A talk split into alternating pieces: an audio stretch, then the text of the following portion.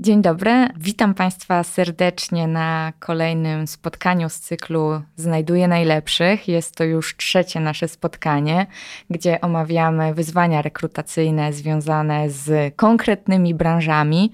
Mamy już za sobą rekrutację handlowców oraz rekrutację specjalistów do spraw obsługi klienta.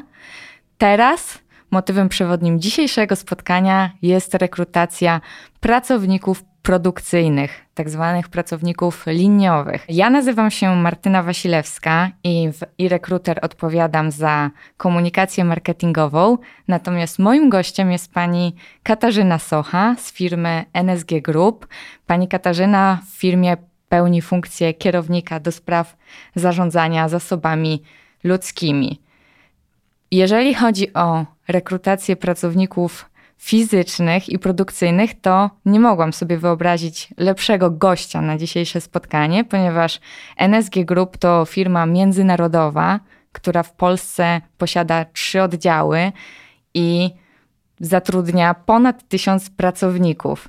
Więc Pani Katarzyno, jakby mogła Pani coś więcej powiedzieć naszym gościom, zarówno o sobie i swoim doświadczeniu HR-owym i rekrutacyjnym, a także o firmie i branży, którą aktualnie Pani reprezentuje. Dzień dobry Państwu. Pani Martyno, dziękuję serdecznie za to zaproszenie, e, ponieważ rekrutacja pracowników liniowych, produkcyjnych jest nam bardzo bliska. Tak jak Pani powiedziała, jesteśmy firmą produkcyjną i, i to jest nasza główna e, działalność. Jako grupa NSG w Polsce mamy trzy spółki e, Pilkingtona i łącznie w tych trzech spółkach zatrudniamy ponad 4000 pracowników, już blisko 4400 osób. Natomiast ja od 6 sześciu lat y, z ogromną pasją pełnię rolę kierownika do spraw y, zarządzania zasobami ludzkimi w spółce Pilkington IGP. Jest to y, spółka, która ma sześć oddziałów rozmieszczonych po całej Polsce, w dużych miastach w Polsce, w Krakowie, w Skierniewicach, w Białymstoku, w Ostrołęce, w Bydgoszczy oraz w Szczecinie. W tych miastach produkujemy szyby zespolone i tak jak pani wspomniała, wyzwaniem w chwili obecnej jest dla nas rekrutacja i to od wielu lat realizujemy i to widać też e, po przyroście e, zatrudnienia, który w ostatnich latach w naszej spółce e, następował. Mhm. No właśnie, bo te dane, które ja mam, z nich wynika, że w ciągu ostatniej dekady ilość pracowników wzrosła z 700 do niemalże 1400. I chciałam się zapytać, z jakim natężeniem rekrutacyjnym się to wiąże? Jak to się przekłada właśnie na pracę działu HR i pracę rekruterów? E, wiąże się to z bardzo dużym e, natężeniem, jeżeli chodzi o ilość rozmów, które przeprowadzamy i ilość działań e, rekrutacyjnych. Tak jak pani wspomniała, ostatnie 10 lat to podwojenie w zasadzie zatrudnienia w spółce Pilkington IGP. W ostatnich latach, to w roku 2019 rozbudowaliśmy oddział w Białymstoku, podwajając właśnie tam zatrudnienie. W trakcie pandemii w bardzo trudnych warunkach realizowaliśmy rozwój oddziału w Ostrołęce, co skutkowało zatrudnieniem zatrudnieniem kolejnych 40 pracowników. Ten rozwój realizujemy nadal. W związku z tym w ostatnich latach nasze działania w znacznym stopniu koncentrowały się na rekrutacji nowych pracowników, ale też wdrażaniu programów wspierających efektywność rekrutacji oraz efektywność i programów wspierających retencję. Zmieniliśmy również podejście do zatrudnienia i to jest wielki sukces, uważam, e, dla naszej organizacji, ponieważ jeszcze kilka lat temu żywiliśmy przekonanie, że w naszej branży na linii produkcyjnej mogą pracować e, wyłącznie mężczyźni, ponieważ praca na produkcji jest bardzo często postrzegana z tym, że jest to praca wiążąca się z wysiłkiem fizycznym. Natomiast lepsza analiza pracy na poszczególnych stanowiskach, weryfikacja zakresów obowiązków oraz likwidacja ergonomicznych ograniczeń sprawiły, że obecnie zatrudniamy ponad 200 pań e, w naszej spółce. To mm, jeżeli miałaby Pani wskazać jakieś największe wyzwania, jakie wiążą się z takimi rekrutacjami, które no, domniemuję, że są masowe. Oczywiście tak. Rekrutacje, które w ostatnim czasie prowadzimy, y, myślę, że można nazwać rekrutacjami masowymi. Branża produkcyjna ogólnie doświadcza obecnie ogromnych zmian. Y, wiele procesów podlega automatyzacji, robotyzacji. Wiele firm dostrzega przez to potrzebę inwestycji, aby być krok y, przed konkurencją i wyróżniać się na rynku. Jednak należy podkreślić, że w branży produkcyjnej na produkcji są nadal procesy, które wymagają ludzi i, i, tych stanowisk i niektórych procesów nie da się zastąpić e, maszynami czy też robotami. W branży produkcyjnej występują procesy manualne, a co za tym idzie, wymagające obecności człowieka na stanowisku. Stąd też potrzeba zatrudnienia dodatkowych e, pracowników i my to zatrudnienie realizujemy. Tak jak pani zapytała, największym wyzwaniem w rekrutacji pracowników e, produkcyjnych jest to, że pracownik produkcji zazwyczaj potrzebny jest na już specyfika branży produkcyjnej polega na tym, że należy utrzymać ciągłość produkcji, a poza tym e, pojawiają się też elementy związane z sezonowością pracy, ze wzrostem e, potrzeby na, na niektóre produkty, czyli są nagłe wzrosty produkcji. Przez to wakaty należy obsadzić w bardzo krótkim czasie. I nie da się ukryć, że wyzwaniem jest wówczas dostępność kandydatów w bardzo dużych e, na przykład liczbach, na co wpływ ma ilość ofert pracy kierowana do osób zainteresowanych właśnie pracą na produkcji.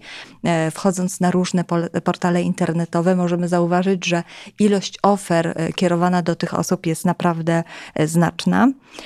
To ma wpływ na to, że kandydaci bardzo często aplikują do firmy, a następnie podejmują decyzję o niestawieniu się e, na spotkanie, nie dając szansy nawet firmie czy rekruterowi, żeby opowiedzieć o firmie, o stanowisku pracy, żeby z tą osobą nawiązać jakikolwiek e, dialog, więc rekruter nie ma nawet szansy na poznanie powodów odrzucenia e, takiej oferty już właśnie na tym etapie.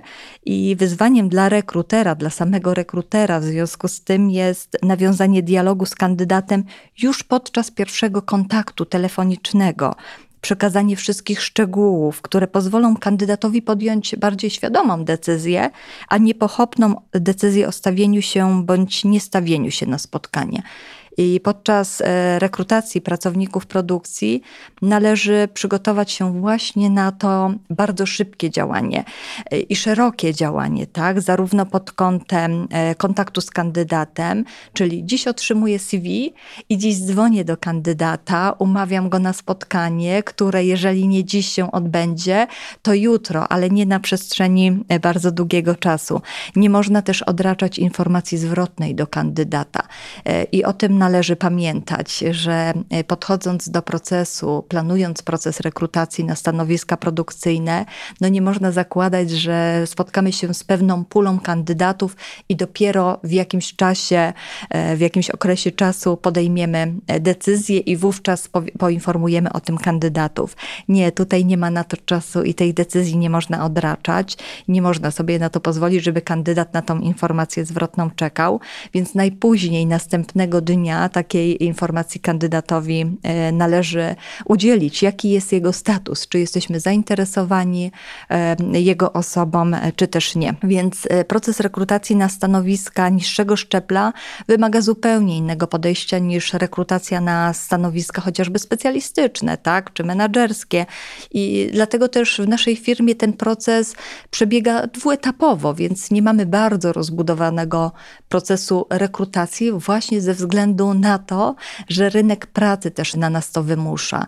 Jeszcze kilka lat temu bazowaliśmy na testach, badaliśmy umiejętności kandydata, kompetencje kandydata.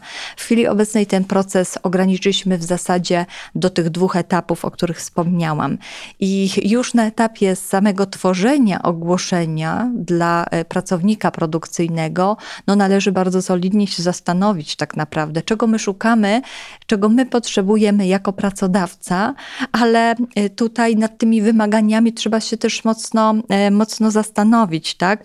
E, kogo chcemy zatrudnić. Nie należy publikować zbyt obszernych e, i rozbudowanych ogłoszeń, w których zawrzemy mnóstwo wymagań w stosunku do kandydata warto, i taka, taka jest e, nasza zasada, i, i tak też działamy, że warto pokazać, co my jako firma oferujemy i skupić się wyłącznie na takich kluczowych wymaganiach do kandydata. Starajmy się w ogłoszeniach i my staramy się nakreślić to, co istotne dla danego stanowiska.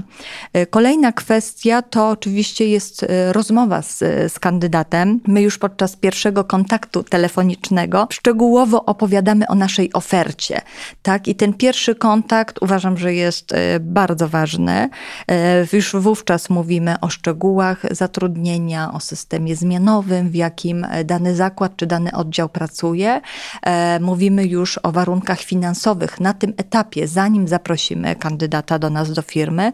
Dzięki temu już na tym etapie kandydat może zdecydować, czy to jest oferta w ogóle dla niego, czy tak sobie wyobrażał pracę w naszej firmie. Wielu kandydatów aplikuje do firm produkcyjnych, produkcyjnych, mając punkt odniesienia do, do zasłyszanych opowieści o firmach produkcyjnych lub firm, w której pracują, nie wiem, znajomi czy rodzina. E, dlatego też na przykład system zmianowy może takim osobom nie odpowiadać, więc warto o tym ze szczegółami e, powiedzieć i uczciwie powiedzieć, jak ta oferta wygląda. Kolejnym krokiem jest u nas e, spotkanie w siedzibie naszej firmy. I to jest w docelowym miejscu po prostu pracy kandydata, i w takim spotkaniu uczestniczy zawsze osoba z działu personalnego, która prowadzi tą rekrutację, oraz bezpośredni przełożony danej osoby, tak, do działu, do którego rekrutujemy pracownika. Ja sobie osobiście nie wyobrażam, żeby to mogło wyglądać inaczej, żeby to HR wybierał e, osobę do zatrudnienia i niejako e, narzucał ten wybór, prawda, bezpośredniemu przełożonemu, więc zawsze zawsze w tych rozmowach e, uczestniczy bezpośredni przełożony. E, wówczas też kandydat może zapytać o wiele szczegółów związanych ze mhm. specyfiką stanowiska, e, takich szczegółów, których osoba z działu personalnego może nie znać aż w takim e, zakresie, prawda? I podczas tego etapu, po rozmowie z kierownikiem działu, z działem personalnym, zawsze zapraszamy kandydata na halę produkcyjną. I uważam, że to jest, przynosi bardzo dobry efekt, ponieważ kandydat wówczas nie dość, że może zobaczyć, jaka jest specyfika firmy, ale może też zobaczyć, czy to jest bezpieczne miejsce pracy, jakie ochrony osobiste firma y, mu zapewnia. Y, może też y, zobaczyć, że na liniach produkcyjnych praca wygląda właśnie bezpiecznie, że pracują również panie, że te grupy są bardzo zróżnicowane, ale myślę, że w, w takim okresie, jak teraz jesteśmy, w jakim funkcjonujemy, czyli pandemia koronawirusa, która nadal trwa i zapowiedzi, zapowiedzi są, że nadal możemy e, się z nią zmagać, taki kandydat może również zobaczyć, jakie środki wdrożyła firma, żeby zapewnić bezpieczne miejsce pracy właśnie również e, w tym względzie. Więc warto zadbać o to, żeby kandydat otrzymał komplet informacji, które są niezbędne w przypadku decyzji o zatrudnienia. Wychodzę z takiego założenia, że to jest zawsze obustronna decyzja, że to nie tylko pracodawca decyduje, to nie pracodawca wybiera. Kandydat tutaj ma ogromną rolę. Tak, myślę, że to zdanie, że z jednej strony kandydat musi oczarować pracodawcę, ale z drugiej strony pracodawca w takim samym stopniu musi oczarować kandydata, dotyczy każdej rekrutacji, nie tylko pracowników biurowych, ale, ale jednak e, także tych, o których w mniejszym stopniu właśnie myślimy w takim kontekście oczarowywania, czyli pracowników produkcyjnych również.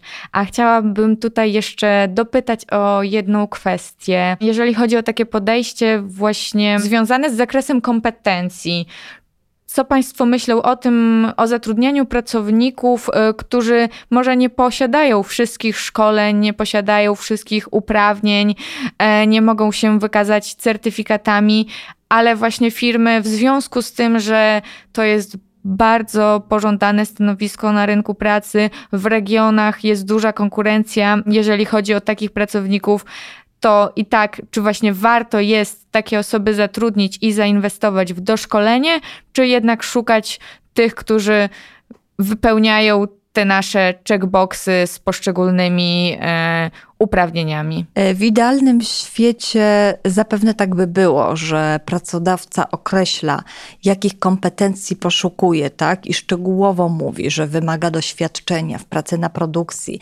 w pracy, tak jak w naszym przypadku, e, przy produkcji szyb zespolonych. Ale my wiemy i zdajemy sobie sprawę z tego doskonale, że na rynku, na którym funkcjonujemy, takich firm nie ma. E, więc założenie jest takie, że oczywiście jak najbardziej przyjmujemy osoby chętne do pracy. Chętne, mówię, zmotywowane, mające świadomość, jak wygląda praca na produkcji, chcące podjąć się tego wyzwania. Jeżeli osoba ma doświadczenie już w pracy na produkcji, to jest to na pewno pomocne, bo zna schemat tak, działania, wie, że jest to praca na linii, z czym się ona wiąże. Jeżeli osoba zna i potrafi obsługiwać y, programy komputerowe, które są wymagane w firmach produkcyjnych, to oczywiście to jest dodatkowy atut, ale chcę tutaj powiedzieć, że my bardzo często zatrudniamy absolwentów szkół e, średnich, więc to też pokazuje, że jesteśmy otwarci na to, e, żeby te osoby doszkolić, bo zdajemy sobie sprawę, że takich osób już przygotowanych w pełni do pracy w naszej firmie po prostu na rynku nie ma. To chciałabym się zapytać o kompetencje rekrutera. Czy jeżeli chodzi o rekrutacje produkcyjne, właśnie pracowników liniowych, rekruter powinien mieć jakieś inne mm, ważne kompetencje, które tutaj bardziej się przydają, a na przykład nie mają szansy się objawić przy rekrutacji pracowników do biur. Mhm, oczywiście. Szybkość działania ale również cierpliwość i życzliwość dla kandydatów. Ogólnie uważam, że to właśnie życzliwość w stosunku do kandydata to powinna być wizytówka rekrutera, ale wielokrotnie rekruter ma za zadanie odbyć kilkanaście rozmów z kandydatami w trakcie jednego dnia, opowiadając o ofercie, a na koniec dnia okazuje się, że tylko 20% osób e, zdecydowało się przyjąć zaproszenie do siedziby firmy i uczestniczyć w rozmowie z pracownikiem działu personalnego i z bezpośrednim przełożeniem przełożonym takiej osoby. I to z bardzo różnych przyczyn, z tego względu, że tych ofert, tak jak wspomniałam, e, na rynku pracy jest, jest dosyć sporo, tak? Więc kandydat wysyłając do nas CV uczestniczy jednocześnie już w, e, w dodatkowo i w jakimś innym procesie rekrutacyjnym. Właśnie otrzyma ofertę zatrudnienia, więc nie pojawia się na tym spotkaniu albo też e, odrzuca zaproszenie. Inna osoba na przykład decyduje się w międzyczasie na wyjazd zagraniczny, więc czasami efektywność odbytych, odbytych rozmów jest e, na dosyć niewielkim poziomie. Nieraz to może być trudne, ale rekruter na pewno nie może się e, poddawać. Rekruter też powinien być otwarty na nowe, ale też zupełnie inne źródła pozyskiwania kandydatów, ponieważ źródła, które wykorzystujemy przy rekrutacji na stanowiska specjalistyczne, nie zawsze sprawdzają się przy rekrutacji na e, stanowiska liniowe. Warto sięgać po te dedykowane do danego rynku oraz grupy osób, których szukamy. Rekruter powinien też bacznie śledzić, co się dzieje e, w rekrutacjach. Uważnie też słuchać kandydata, bo to kandydat jest najlepszym źródłem wiedzy o tym, co się dzieje na lokalnym rynku pracy. To, co mm, wyszło na przykład z naszego badania Candidate Experience, które e, tej jesieni będziemy publikować, już szóstą edycję, to, że pracownicy fizyczni, produkcyjni bardzo dużą uwagę przywiązują do słowności, do tego właśnie, że podczas tego procesu rekrutacyjnego będą mieć tę informację zwrotną wtedy, kiedy zostało im powiedziane, że ją otrzymają. Rozumiem, że u Państwa też to jest e, zauważalna potrzeba i też Państwo na nią e, aktywnie odpowiadają. Tak, jak najbardziej. I tak jak wspomniałam, najgorsze, e, co można robić, to zostawić tego kandydata bez informacji zwrotnej. E, ta informacja naprawdę musi być bardzo szybko, więc procesy rekrutacyjne na stanowiska produkcyjne, przygotowując się do takiego procesu, no, no nie, nie czekamy do zamknięcia procesu, tylko czekamy na koniec dnia i podsumowujemy już danego dnia spotkania z kandydatem i decydujemy, decydujemy, kogo chcemy zatrudnić, tak żeby tej informacji udzielać jak najszybciej. I to jest konieczne. Czyli w zasadzie mm, proces rekrutacyjny czasami u Państwa się zamyka w ciągu dwóch dni? Dobrze. To... Zdarzają się takie sytuacje, tak. Jeżeli spływ też aplikacji jest na, na pożądanym, satysfakcjonującym e, poziomie, to, to te procesy czasami e, zamykają się e, w dosyć szybkim czasie, tak. Są inne, które trwają dłużej ze względu też na te kwestie, o którym powiedziałam, że na przykład tylko 20% osób zdecyduje się na przyjście. Jeszcze inne z przysłanych aplikacji kandydaci nie odpowiadają w ogóle na telefon, mówią, że oferta jest nieaktualna i tak dalej. Mhm. A taki satysfakcjonujący poziom, jeżeli chodzi o spływ aplikacji, to jakby Pani określiła? Mogą być jakieś takie ogólne widełki? Mhm. Y, trudno jest odpowiedzieć liczbowo, bo y, czasami za tą liczbą nic nie stoi. Czasami jest bardzo duży spływ aplikacji. Mamy regiony, w których e, spływ aplikacji, podsumowując, to są bardzo, naprawdę bardzo duże liczby, nawet liczone w setkach. Y, natomiast to się nie przekłada na to, że my potrzebujemy zatrudnić 100, 200, 300 czy 400 osób e, w danym momencie. Więc jeżeli chodzi o liczby, trudno powiedzieć, która liczba jest satysfakcjonująca. Uważam, że satysfakcjonująca jest e, taka liczba, która e, skutkuje zatrudnieniem kandydata później na koniec, więc to też badamy. Jasne. Mhm. A mm, w takim razie, bo zaczęła Pani mówić o o dobieraniu źródeł pozyskiwania kandydatów, więc, więc chciałabym e, na chwilę się odnieść e, do tego w przypadku właśnie pracowników niższego szczebla, które się u Państwa najbardziej mhm. sprawdzają. E, jeśli chodzi o e, proces doboru źródeł, to staramy się to robić w bardzo przemyślany sposób, jeżeli chodzi o e, rekrutację pracowników produkcyjnych. I nie, nie ukrywam tutaj, że przy doborze danego źródła bierzemy pod uwagę nawet takie elementy jak pora roku, czy też dzień tygodnia, w którym publikujemy ogłoszenie. Oczywiście robimy to na podstawie badania efektywności poszczególnych źródeł i na przestrzeni wielu miesięcy, a nawet lat analizowaliśmy analizowaliśmy, e, jaka jest efektywność e, poszczególnych źródeł. Z wielu źródeł zrezygnowaliśmy, bo nie przynosiły żadnych efektów, a czasami wręcz zerowe, e, a były to działania nieraz bardzo kosztowne. Na przykład w lecie nasze oferty pojawiają się nie tylko na portalach internetowych, ale również w radio, bo wiemy, że osoby w lecie chętniej też słuchają muzyki, spędzają czas nad wodą w różnych miejscach, tak? Więc na pewno radio to jest dobry pomysł, jeżeli chodzi o tą o aktualną porę roku. Jeśli e, korzystamy na przykład z billboardów czy tablic ogłoszeniowych, to również te rozwiązania mają sens wyłącznie w określonych porach roku, kiedy dzień jest dłuższy. Wiemy, że osoby chętniej e, udają się na spacery, więc jest duża szansa, że te ogłoszenia ktoś zauważy. Raport systemu e-rekruter pokazał nam również, w jakie dni tygodnia kandydaci chętniej odsłaniają odsłaniają ogłoszenia i w jakie dni tygodnia chętniej y, aplikują, bo to jest bardzo ważna, e, ważna rzecz i my z tych informacji naprawdę skrupulatnie korzystamy i w ten sposób e, działamy.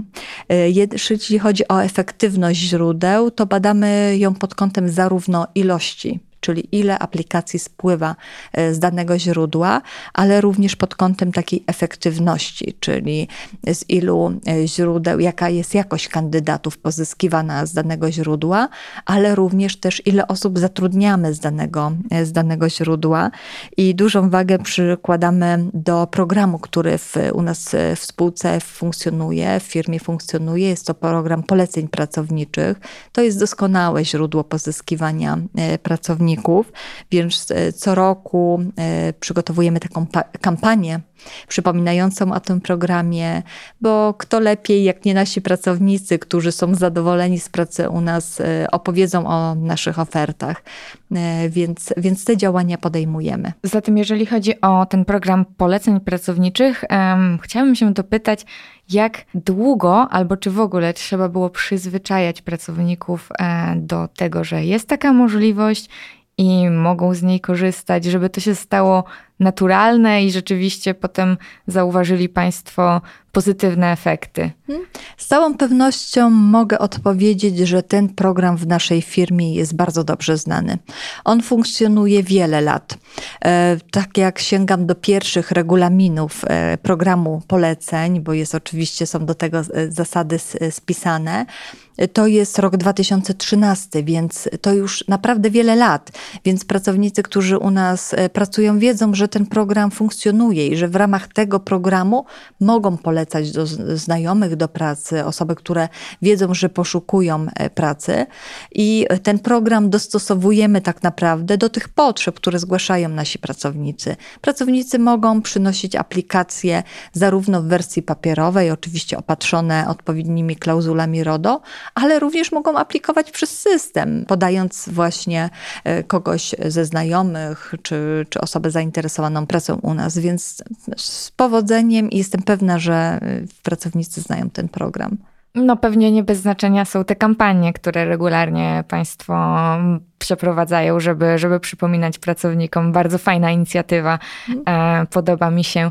A jeżeli chodzi właśnie o to, jak u Państwa wygląda struktura HR-owa firmy i jakie decyzje są podejmowane na poziomie centralnym, które decyzje są podejmowane na poziomie lokalnym i także jak wygląda współpraca z biznesem właśnie, czyli z tymi menedżerami, kierownikami, którzy zgłaszają zapotrzebowanie na pracowników. Mhm.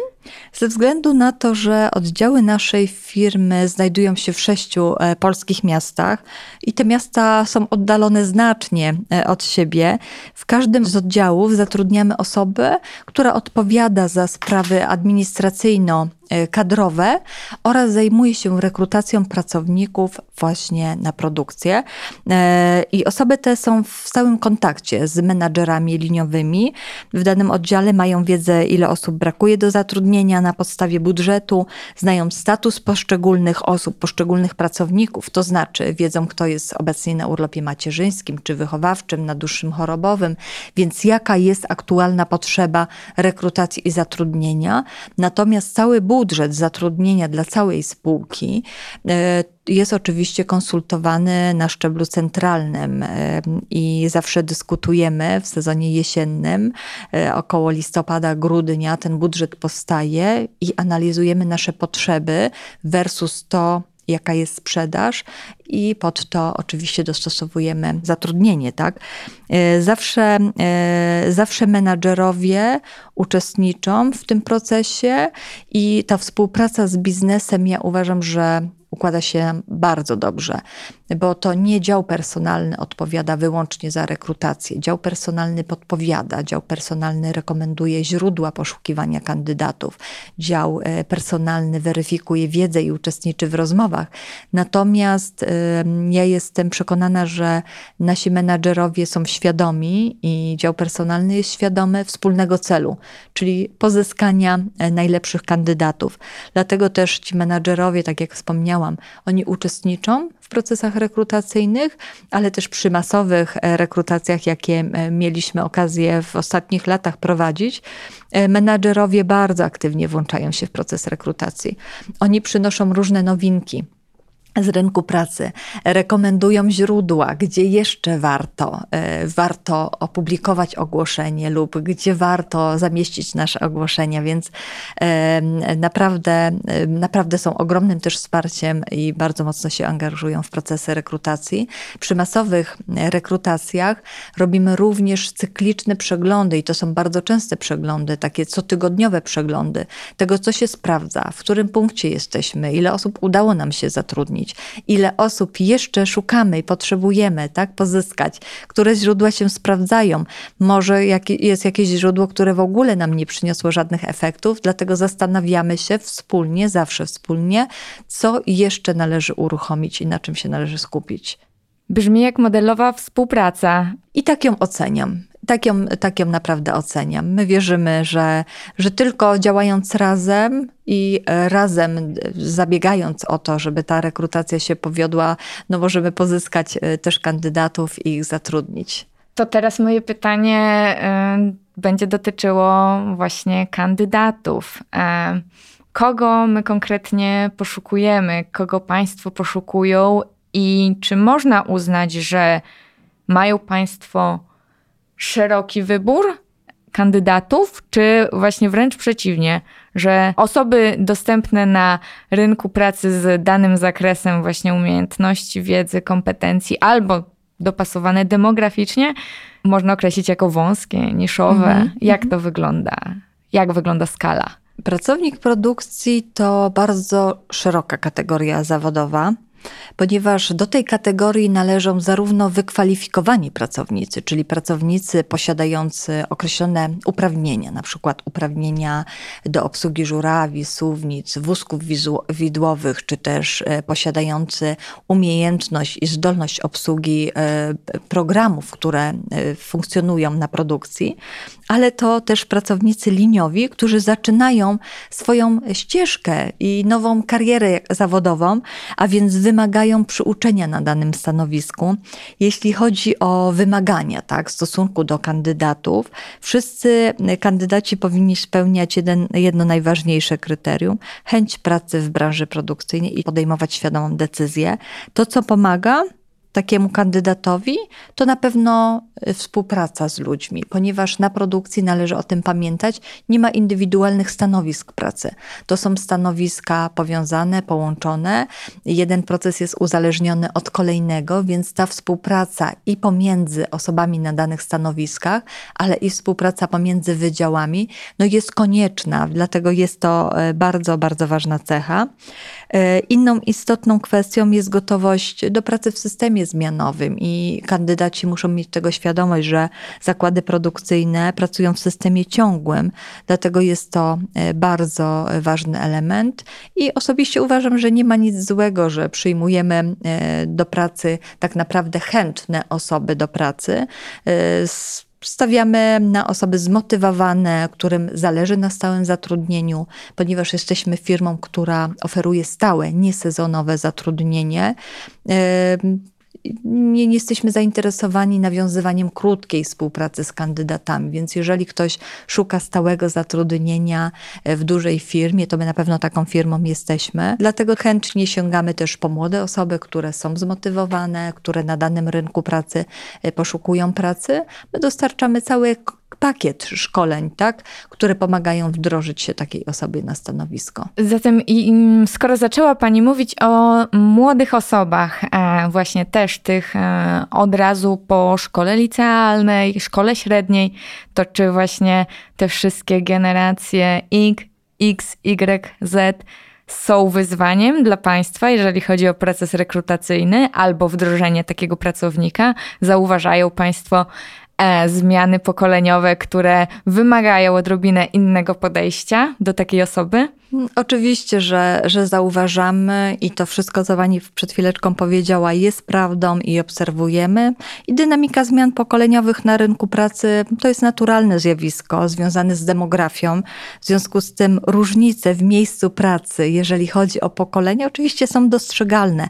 W naszej firmie spotykają się środowiska z, i z pokolenia, pracownicy z pokolenia baby boomers X, Y, a nawet Z. E, więc pracownicy ci e, nie tylko różnią się wiekiem, ale i sposobem funkcjonowania, gdyż każde z tych pokoleń dorastało w zupełnie w innych czasach, a więc ich doświadczenie, ale i potrzeby są kompletnie e, różne i zdajemy sobie z tego sprawę. E, przygotowywaliśmy kadrę menedżerską do takiej zmiany, prawda? Bo na pewno e, wiele z Państwa e, słyszało te opinie, ale to jest zupełnie inne pokolenie, ale nie potrafimy się z tym pokoleniem komunikować. Tak, jest to inne pokolenie. Oczywiście, że jest to inne pokolenie, tak jak i każdy z nas jest i różny od tego pokolenia, które było przed nami. Każdy z nas ma inne potrzeby. Najmłodsze pokolenie uważam, że są to osoby, gdzie mamy wrażenie, że są są ciągle online, prawda? Ale to może być też bardzo e, fajna cecha, e, którą w firmach produkcyjnych można wykorzystywać, ponieważ są to osoby, które nie mają problemu z nowymi technologiami, e, bardzo szybko się uczą. Jeżeli są procesy zautomatyzowane, zrobotyzowane, wymagające obsługi jakichś paneli komputerowych, uruchamiania czy wprowadzania jakichś parametrów, to są to osoby, które bez żadnej obawy i bez lęku do takich zadań podchodzą. To nowe pokolenie wymusza na pewno na pracodawcach zmianę podejścia do wielu procesów, y, w tym szukania możliwości właśnie zautomatyzowania i zrobotyzowania produkcji. Młode pokolenie nie chce pracować, nie chce powiedzieć ciężko, ale nie chce pracować fizycznie, nie chce wykonywać pracy związanej z przenoszeniem, z dźwiganiem. E, dlatego też coraz częściej e, słyszymy, zatrudniając e, młode osoby, czy tego nie można zrobić inaczej, czy tego nie można zautomatyzować, czy można zastąpić czynności powtarzalne robotem. I ja uważam, że to jest bardzo dobra cecha i e, uważam, że to jest ogromna rzecz i ogromna podpowiedź dla, dla procesów i dla produkcji, że coś można jednak zrobić inaczej, można popatrzeć na to inaczej. To pokolenie wnosi nowe spojrzenie na wiele procesów produkcyjnych zauważa elementy do zmiany, być może do których niepotrzebnie się e, przyzwyczailiśmy i przez lata nie zauważaliśmy potrzeby zmiany. Pozostając przy tej wypowiedzi, czy, czy nie można tego zastąpić e, robotem, jeżeli chodzi o właśnie pracę już bezpośrednio w hali produkcyjnej, a jeżeli chodzi o rekrutację, czy nie można właśnie tam wprowadzić automatyzacji, uefektywnić pewne procesy? Właśnie, czy, czy Państwo w rekrutacji wprowadzają jakieś innowacje, albo czy chcieliby czegoś spróbować, co by mogło radykalnie, albo właśnie chcieliby Państwo, żeby radykalnie usprawniło pewne, pewne elementy tego procesu? Tak, tak, oczywiście tak. Przy masowych rekrutacjach zauważyliśmy taką potrzebę e, usprawnień e, i tak jak wspominałam, ta rekrutacja pracownika produkcji wymaga bardzo szybkiego działania, dlatego też jesteśmy w chwili obecnej e, w ramach testowania nowego narzędzia, które pojawiło się e, na rynku i jest dostępne dla osób prowadzących rekrutację. Jest to VoiceBot, e, czyli tak zwany wirtualny rekruter, który zapewne pomoże w zwiększeniu efektywności. I tak to oceniam też, że taki VoiceBot pomoże w zwiększeniu efektywności prowadzonych procesów rekrutacyjnych, zapewniając bardzo szybki kontakt z kandydatem kandydatami, prawda? Bo zaraz po, e, po tym, jak kandydat aplikuje, w przeciągu około trzech minut e, VoiceBot dzwoni do kandydata. E, taki wirtualny rekruter zadaje kandydatowi pytania ważne z punktu widzenia pracy w naszej firmie. Zadaje pytania, które zadałaby osoba z HR-u dzwoniąca do tego kandydata. Dlatego też jest to narzędzie, uważam, bardzo pomocne. W chwili obecnej jesteśmy zdecydowani na wdrożenie i usprawnienie usprawnienie tych procesów rekrutacyjnych. Dlatego tak, tak, widzę taką potrzebę i myślę, że to jest ten krok, który na pewno chcemy wykonać. A czy tego voicebota mm, chcieliby Państwo wprowadzić e, na miejsce, na przykład tej rozmowy telefonicznej, o której Pani wspominała, że to jest ten bardzo ważny moment, mm, w którym trzeba kandydatowi powiedzieć jak najwięcej o danej ofercie, czy na którymś innym etapie? Mhm. Na pierwszym etapie, myślę, że na pierwszym etapie, czyli zadzwonienia do kandydata, opowiedzenia mu o ofercie, opowiedzeniu o firmie, bo o to kandydaci zazwyczaj pytają i na to trzeba zwrócić uwagę, że e, kandydaci na stanowiska produkcyjne bardzo często wysyłają aplikacje do wielu firm, dlatego też jeżeli jesteśmy kolejną firmą, do której wysłał kandydat taką aplikację, to czasami nie wie też, e, czym firma się e, zajmuje pyta o to, dopytuje też rekrutera. Dlatego taki voicebot, ten wirtualny rekruter opowiedziałby kandydatowi o firmie, o specyfice branży, ale zadałby też te pytania, które są bardzo ważne i wręcz kluczowe, żeby podjąć u nas pracę na przykład opowiada o warunkach finansowych z, ze szczegółami, tak? To jest coś, co my teraz robimy. Opowie o systemie zmianowym, w jakim pracujemy w danym oddziale. To jest również coś, co my robimy. Jeżeli kandydat e, tych kwestii nie akceptuje, wie, to po prostu wie, że to jest dla nas kluczowe i że w danym momencie to może nie to stanowisko. Jeżeli, e, jeżeli będzie, zmieni, nie wiem, zmieni postrzeganie stanowiska, zmienią się jego e, potrzeby, to oczywiście może do nas wrócić i aplikować ponownie.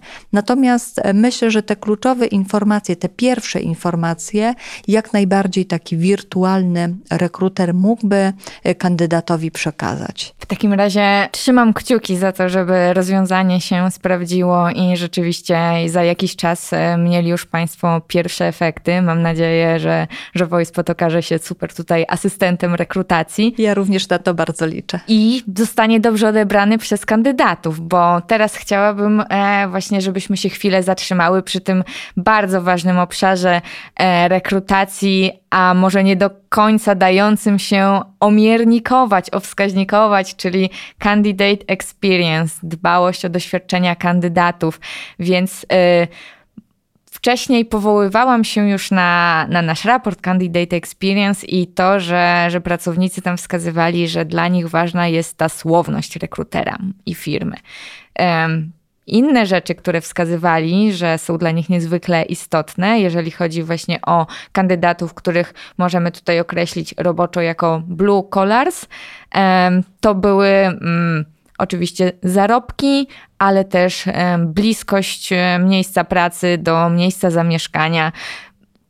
Co z Państwa doświadczenia jest ważne dla kandydatów? Y, firmie przykładamy bardzo duże znaczenie, żeby poznać e, to, co dla kandydatów jest ważne, i wdrożyliśmy dwa takie źródła pozyskiwania tych informacji.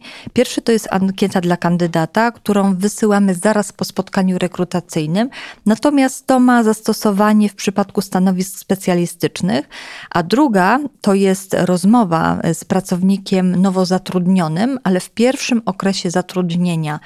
I e, taką osobę zapraszamy na spotkanie. Tą rozmowę inicjuje oczywiście pracownik HR-u, który pyta nowo zatrudnioną osobę o elementy związane z oczekiwaniami co do miejsca pracy versus ustalenia podczas rozmowy rekrutacyjnej.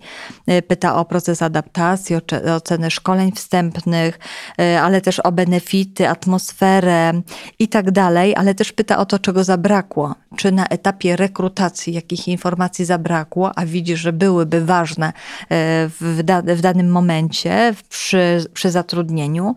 Pracownicy produkcji doceniają jasne i kompleksowe przedstawienie im kwestii finansowych, więc e, to, co Pani powiedziała, wynagrodzenie, jest to bardzo, bardzo istotne dla kandydatów, więc kwestie finansowe naprawdę trzeba przedstawić z wszystkimi szczegółami. Należy opowiedzieć o dodatkach, jeżeli funkcjonuje system premiowy, to należy jak najlepiej przedstawić e, zasady tego systemu premiowego. E, ja chcę powiedzieć, że kandydat po rozmowie z nami zawsze wychodzi z ulotką, na której znajduje te informacje, bo wiemy, że tych informacji, które padają podczas takiego spotkania jest bardzo dużo. E, natomiast chcemy, żeby kandydat dostał ulotkę, żeby zapoznał się zarówno ze stawką, jaka jest proponowana, systemem premiowym, e, jak wyglądają dodatki, czy to nocne i tak dalej, więc to jest bardzo ważne. Innym ważnym elementem dla kandydata no to jest ta, ta szybka informacja zwrotna. Y, ta słowność, o której również Pani wspominała, to jest bardzo ważne dla kandydatów, więc dotrzymujmy tego słowa. Jeżeli mówimy kandydatowi, że informacja zwrotna będzie do czwartku, to y, trzymajmy się tego terminu, y, więc to jest na pewno istotne. Jeszcze inni kandydaci cenią sobie możliwość kontaktu z rekruterem również po spotkaniu rekrutacyjnym. I uważam, że taką możliwość kandydatom należy, należy dać. Dlatego my, zapraszając też kandydata, wysyłamy e, SMS-a z potwierdzeniem spotkania, żeby kandydat miał do nas kontakt, miał do nas numer telefonu. Różne sytuacje się wydarzają też w życiu, czy zawodowym, czy prywatnym.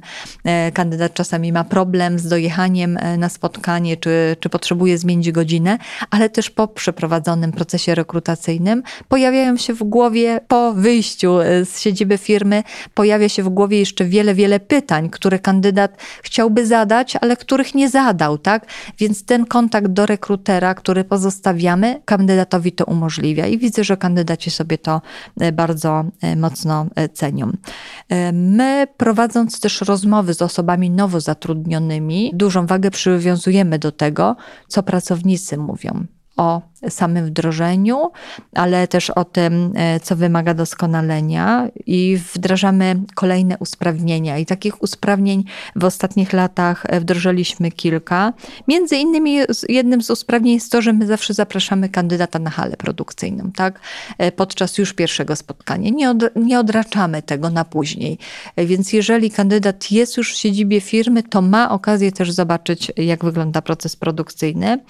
Przygotowaliśmy również takie broszury bardzo rozbudowane dla pracowników czy kandydatów, które pokazują, jaką firmą jesteśmy, jak wyglądają systemy, jak wyglądają oczekiwania w stosunku do naszych pracowników.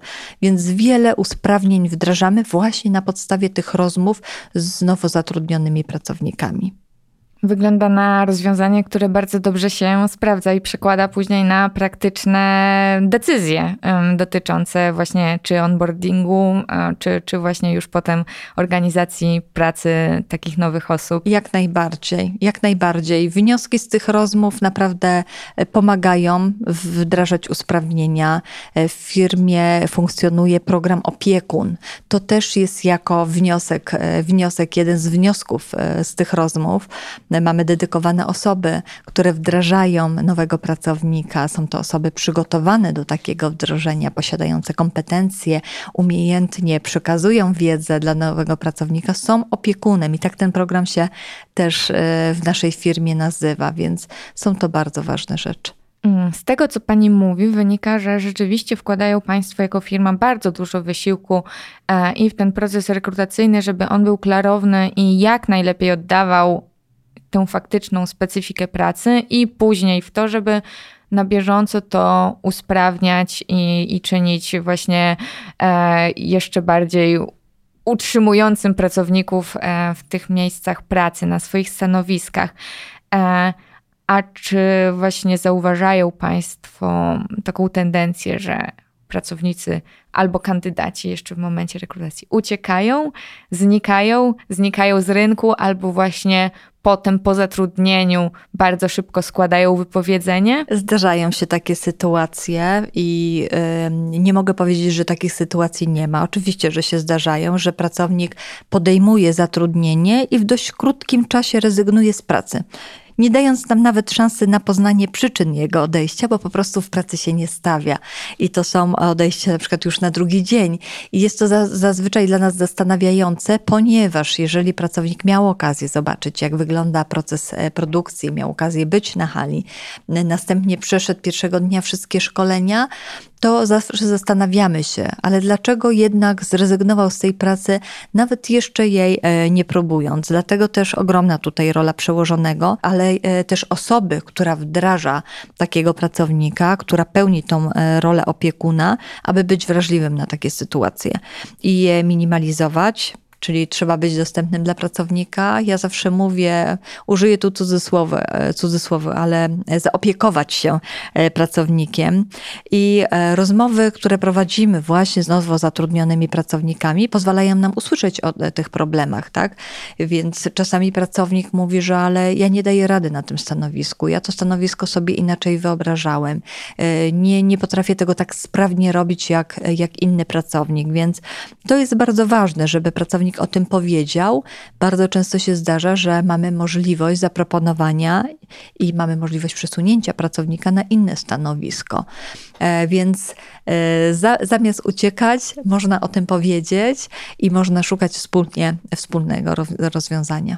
Jeszcze jeden, o jedną rzecz chciałam zapytać, jeżeli właśnie chodzi o ten aspekt e, candidate experience i employer branding, czyli atmosferę w miejscu pracy, bo też e, przyznam, że to była dla mnie zaskakująca informacja, ale jednak e, w raporcie, bodajże jednym, jednym z raportów wydanym przez Pracuj.pl, natrafiłam na informację, że dla pracowników fizycznych jest bardzo ważna atmosfera w miejscu pracy.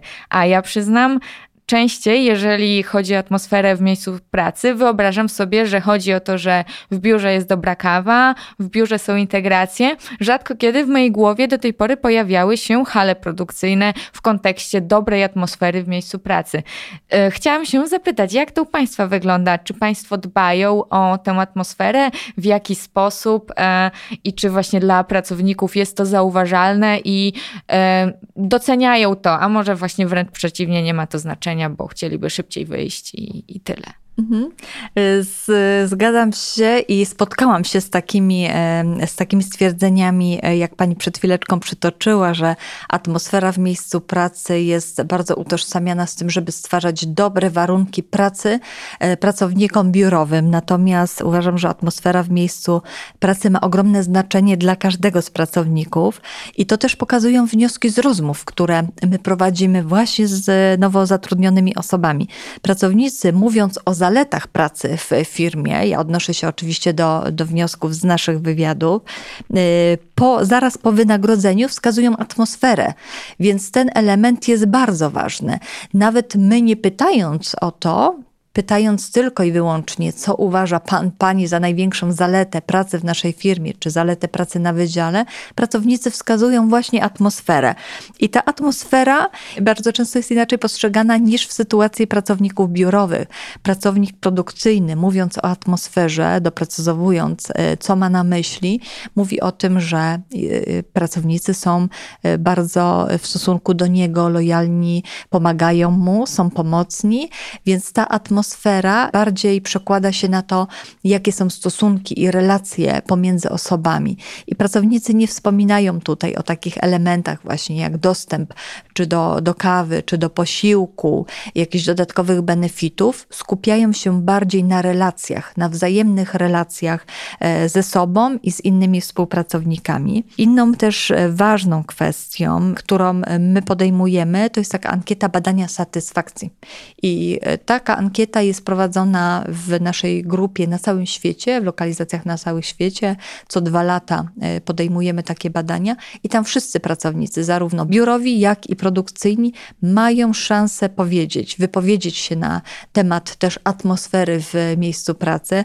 I to jest dla nas e, źródłem e, i na tej podstawie podejmujemy działania, kolejne kroki, nad czym się należy skupić, jakie usprawnienia należy wdrożyć.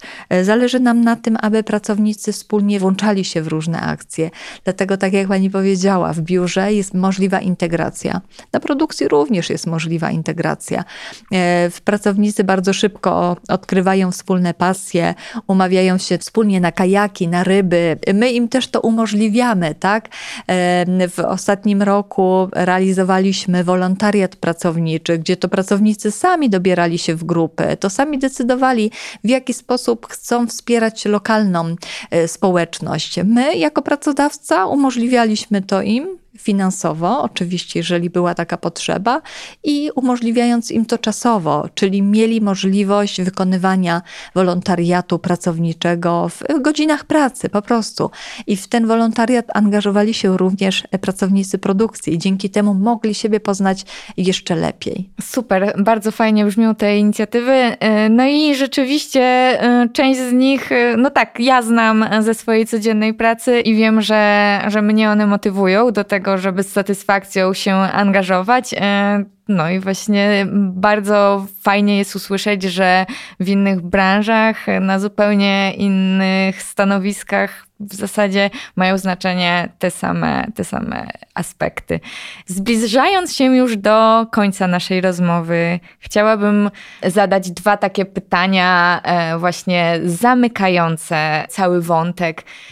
Po pierwsze, czy w rekrutacji pracowników produkcyjnych, e, rekrutacji, rekrutacji masowych jest e, miejsce na kreatywność? Czy tutaj lepiej i bezpiecznie jest się trzymać harmonogramów, widełek? Mhm.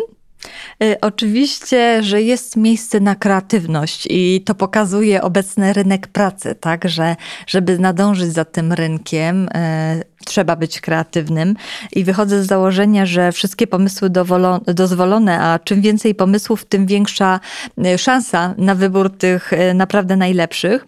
Jeśli nie byłoby miejsca na kreatywność, nadal pozostawalibyśmy przy ogłoszeniach w prasie lokalnej, e, zawężając sobie znacznie dostęp do kandydatów, a wiemy, że kandydaci odchodzą od, od takich źródeł poszukiwania, szczególnie młode pokolenie, więc rekrutacja pracowników produkcyjnych jest bardzo wymagająca, a żeby tym wymaganiom sprostać, należy analizować rynek pracy, obserwować uważnie zmiany na, na lokalnym rynku, ale słuchać też potrzeb e, kandydatów, wyciągać wnioski, a trzymanie się wytycznych, założeń, harmonogramów uważam, że może wspierać e, proces rekrutacji, ale nie może go ograniczać w żaden sposób.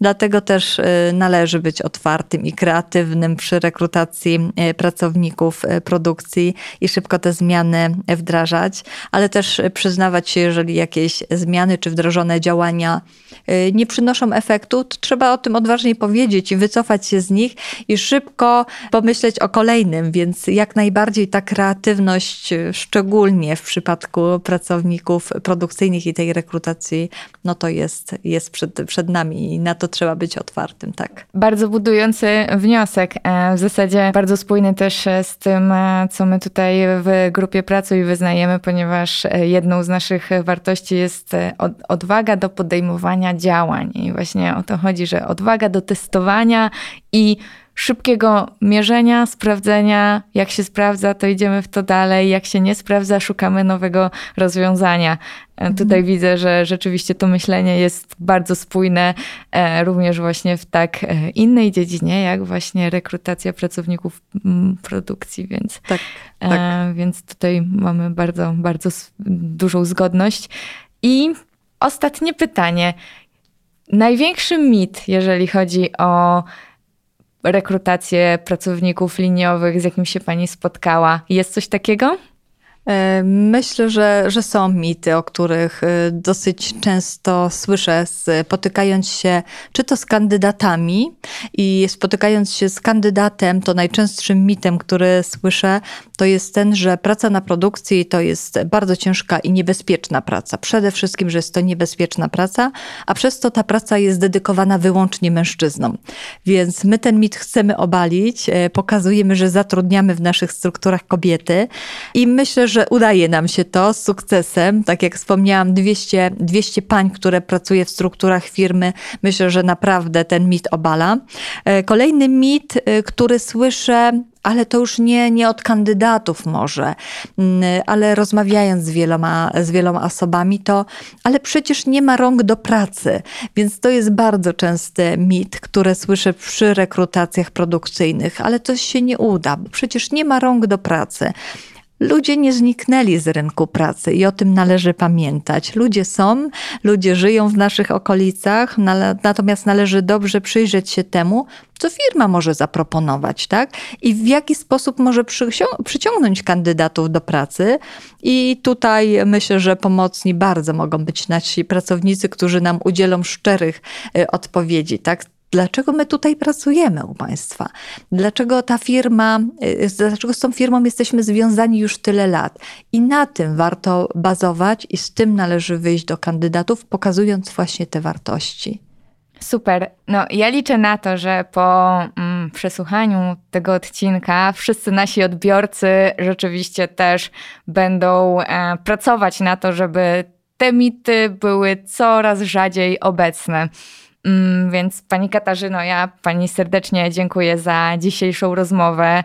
E, dla mnie ona była bardzo ciekawa i, i mam wrażenie, że dowiedziałam się dużo więcej, e, nawet mimo tego, że miałyśmy już próby, rozmawiałyśmy już na te tematy, przygotowywałyśmy się, to mam wrażenie, że tutaj znowu w mojej głowie otworzyło się kilka szufladek i zupełnie myślenie o rynku pracy i rynku pracowników Blue Collars zmieniło się, więc jestem przekonana, że nasi odbiorcy będą mieć podobne wrażenie. Zatem dziękuję bardzo za rozmowę. Dziękuję serdecznie.